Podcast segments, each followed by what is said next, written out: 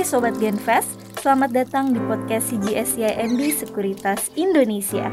Di sini kita akan membahas seputar pasar modal, update investasi saham, dan juga tips and trik investasi saham untuk milenial.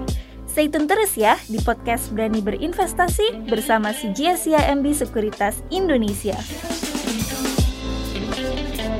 Hai guys, kembali lagi bersama kami di podcast Berani Berinvestasi CGI Sekuritas Indonesia. Nah, kali ini bersama saya, Aji Kurniawan, dan di kesempatan kali ini kita kedatangan tamu yang tentunya udah nggak asing ya. Ya, ini kita ketemu uh, sama Renanda lagi nih. Nah, sebelum itu kita sapa dulu. Halo Re, apa kabar nih? Halo, baik Aji. Ya, Gimana kabarnya? Baik juga nih. Dan tentunya semoga Sobat Genfest uh, di mana pun berada juga dalam keadaan yang sehat selalu ya.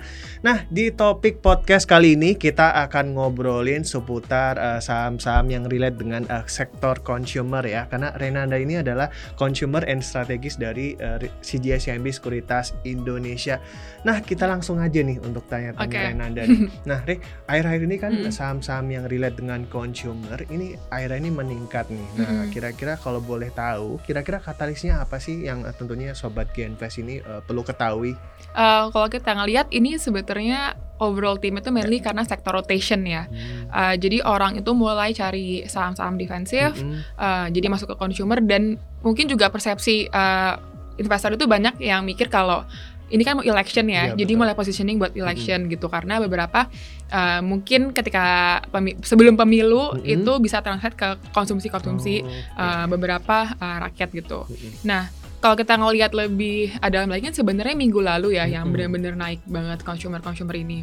Uh, mainly karena ketika minggu lalu itu USD IDR itu gainnya secara year to date itu jadi 0%. Hmm. Di mana sebelumnya itu kita masih uh, positif lah walaupun memang on a declining trend dari bulan Mei gitu. Oke. Beberapa faktornya uh, secara makroekonomi gitu ya karena pertama uh, kita ada cautious kalau Fed-nya itu bisa naikin rate lagi di akhir tahun. Oke. Terus abis itu inflasinya Indo juga kemungkinan bottom di September kemarin sama uh, dari sisi bonds marketnya juga itu kemungkinan akan ada penerbitan obligasi yang lebih banyak gitu. Mhm. Nah jadi uh, minggu lalu itu kayaknya orang mulai uh, lebih khawatir gitu dan mulai switch ke defensive sectors.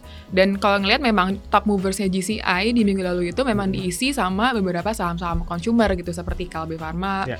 terus uh, Indofood, ICBP, sama ada Mayora juga dan beberapa saham-saham cigarettes juga. Oke. Nah, karena mungkin temanya adalah karena sector rotation gitu Oke. ya minggu lalu, jadi uh, minggu ini kalau dilihat itu mulai banyak kembali ke commodities gitu Oke. karena adanya uh, geopolitik tensions gitu Yes. jadinya um, orang mulai uh, switch kembali Switch gitu ya, oke, karena oke. commodity dan oilnya price-nya juga naik gitu. Oke, jadi itu ya tadi udah jelasin sama Renanda katalis yang uh, membuat uh, saham-saham consumer yang akhirnya ini eh, ini bergerak naik ya.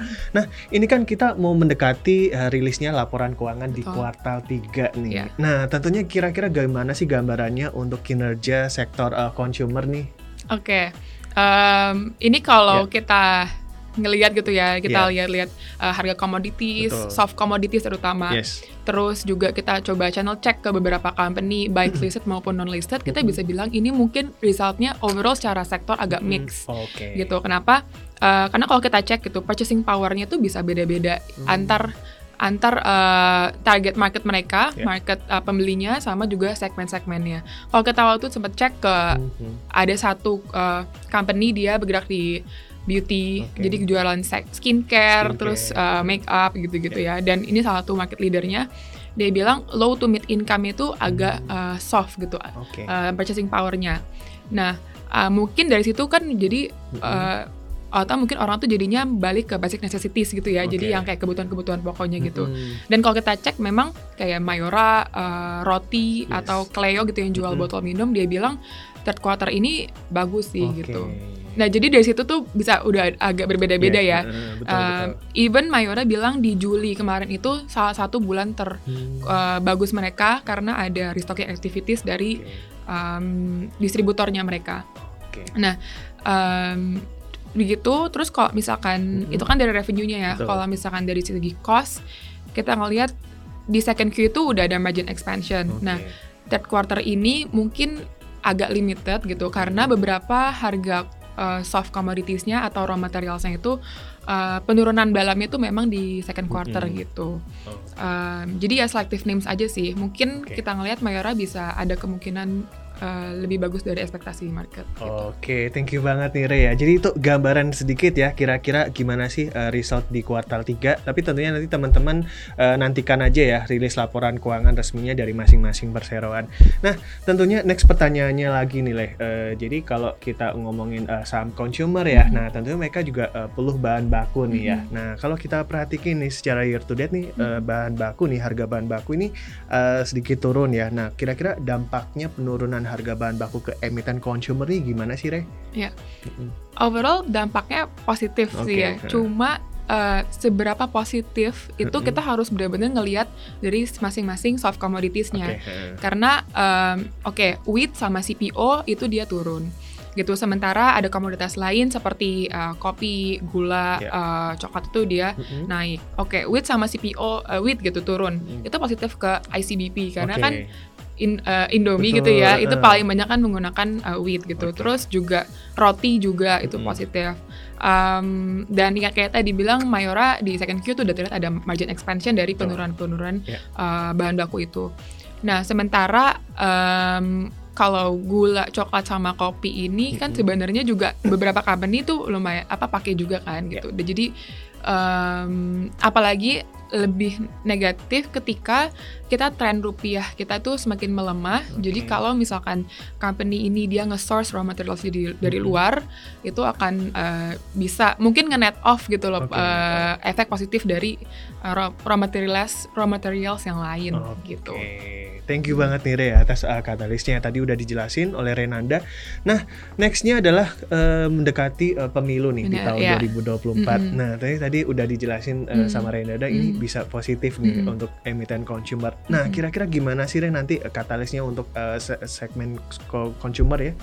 Oke, eh, positif betul. Cuma ini bener-bener selected names Ya. Oh, aja selected. gitu. Oke. Jadi kita ngelihat secara keseluruhan ya kayaknya tuh eh, investor agak overhype gitu sama Overhype. pemilu ini. Betul. Karena kalau dilihat dari data-data makro, terus Mhm. juga kita coba eh, analisa dari pendapatan company gitu ya, ada Mhm. 40 company kita analisa.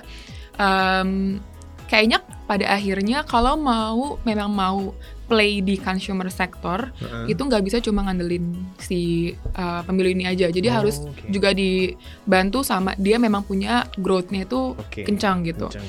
Kayak dari makro gitu ya. Jadi tim ekonomis kita tuh Oke, ada hmm. sempat nganalisa tentang Ya. uh, beberapa data-datanya dari GDP itu dikelihatan kalau Mm-mm. tet- tiga kuartal setel sebelum dan setelah election itu economic growth-nya tuh agak Mm-mm. sebetulnya agak soft gitu. Kenapa? Karena secara investasi kan juga agak tertahan ya. Maksudnya Oke, orang juga wait and see kan kalau investasi karena ya. benar ada kebijakannya Hmm. belum terlalu jelas lah gimana nantinya gitu. Hmm. Nah, kalau di breakdown lagi secara consumption memang ada eh, ada kenaikan gitu Ya. secara secara growth-nya di dua kuartal sebelum pemilu. Mm-mm. Cuma eh, setelah itu ada penurunan tajam. Jadi setelah setelah pemilunya langsung ada penurunan Oke. gitu.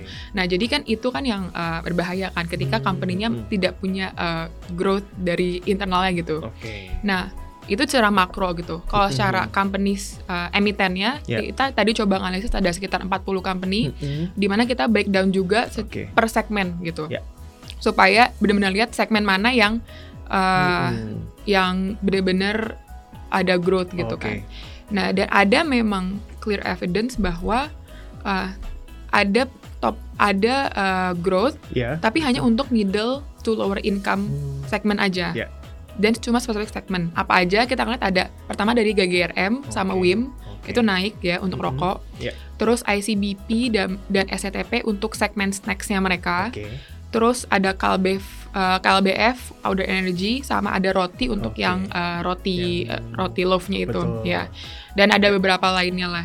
Cuma eh, mungkin positifnya adalah Mhm. yang berbeda sama data ekonomi tadi setelah pemilu itu bukan drop tapi lebih ke stagnan Oh, stagnan dan growth ya. aja, Oke, iya. Oke, oke. Nah, em, gitu sih. Dan Mhm. mungkin investor berarti bertanya-tanya kalau share price-nya gimana? Karena kan Iya, paling penting itu ya pada betul. akhirnya. Nah. Share price-nya gimana? Nah, surprisingly setelah Mm-mm.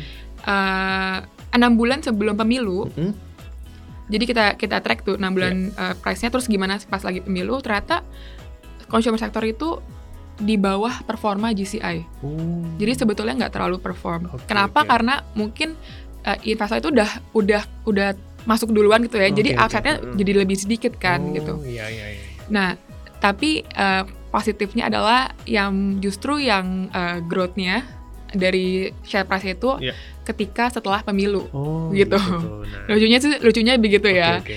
Um, dan mungkin kalau kita ngelihat gitu ya uh, positioning investor sekarang gitu ownershipnya mereka di beberapa uh, consumer stocks ya mungkin patternnya bisa berulang sih kayak gitu. Oke, nah itu ya tadi teman-teman ya untuk eh, katalis nanti menjelang pemilu yang udah dikasih gambaran nih oleh Renanda. Nah tadi kan udah dikasih eh, gambaran nih kayak saham-saham yang eh, tentunya eh, bisa eh, punya positif nih ya eh, growth eh, di tahun depan ya atau Hmm. menjelang pemilu. Nah kira-kira dari si JCMB tuh sukanya apa sih saham consumer nih Reh? Oke, Mm. eh, dari tadi yang kita bilang ya, jadi Iya. memang harus selektif dan harus cari yang ada growth-nya Oke. gitu. Nah, oleh karena itu kita lebih memilih mid cap stocks dibanding Mid cap eh, yang large cap gitu ya. Oke. Kita suka pertama Mayora Mm-mm. gitu karena ada uh, strong earnings growth outlook-nya. Jadi kita ngelihat domestic purchasing Mhm. power itu kan agak mix ya. Ada yang Oke. bilang bagus, ada yang bilang agak Mhm. weak gitu. Jadi kita prefer yang ada exposure ke luar atau ada ekspor. Nah, Mayora Oh, ini kan oke. hampir setengahnya tuh di drive eh, di drive sama uh, ekspor Oke. gitu kan. Ya. Dan dia tuh lumayan strong di China, Filipina Oke. dan sekarang dia mau tap new market ke Afrika Oke. gitu. Terus kedua Mayora itu juga kuat sama product innovation-nya. Mm-mm. Jadi contoh produknya Le Minerale deh gitu. Oke, itu betul. sebetulnya eh, cuma kayak kita lima tahun lalu, tapi dia udah kedua setelah Aqua yang udah lebih lama gitu. yang ada kan. manis-manisnya ya. Iya betul itu. Betul. Nempel ya brandingnya. betul itu. Terus eh, dia juga memang mau fokus improve G, eh, gross profit marginnya Iya. dia eh, ke 30 persenan. Nah valuasi gimana? Mm-mm. Menurut kita masih eh, belum terlalu mahal. Itu sekitar Mm-mm. 21 kali 12 month uh, PE. Ya. Terus em, mungkin untuk valuasi ya, Ya. yang yang murah dan karena murah itu jadi nggak bisa kita perlu perhatiin juga. Iya. Itu Heeh. ada Sido Oke. gitu. Em, walaupun memang secara growth itu agak sulit karena dia kan Mm-mm. rely sama satu produk ya tolak Iya, angin betul, gitu. tolak angin. Tapi valuasi eh, valuation ini udah cukup murah di Mm-mm. sekitar 16 kali PE Oke. gitu. Gitu sih. Oke, jadi itu ya teman-teman ya, spill saham-saham yang eh, disukai dari CGS CIMB Sekuritas Indonesia langsung aja tadi di-mention oleh Renanda dan tentunya teman-teman jangan lupa untuk like, komen dan subscribe CGS CIMB Sekuritas Indonesia di YouTube. Dan pastinya thank you banget nih eh, Renanda ya udah eh, menyempatkan waktu untuk ngobrol-ngobrol di podcast eh, CGS CIMB Sekuritas Indonesia. Dan teman-teman jangan lupa untuk nonton podcast eh, Berani Berinvestasi di CGS CIMB Sekuritas Indonesia. Kalau nggak mulai dari sekarang, kapan lagi untuk mulai berinvestasi? See you! Bye.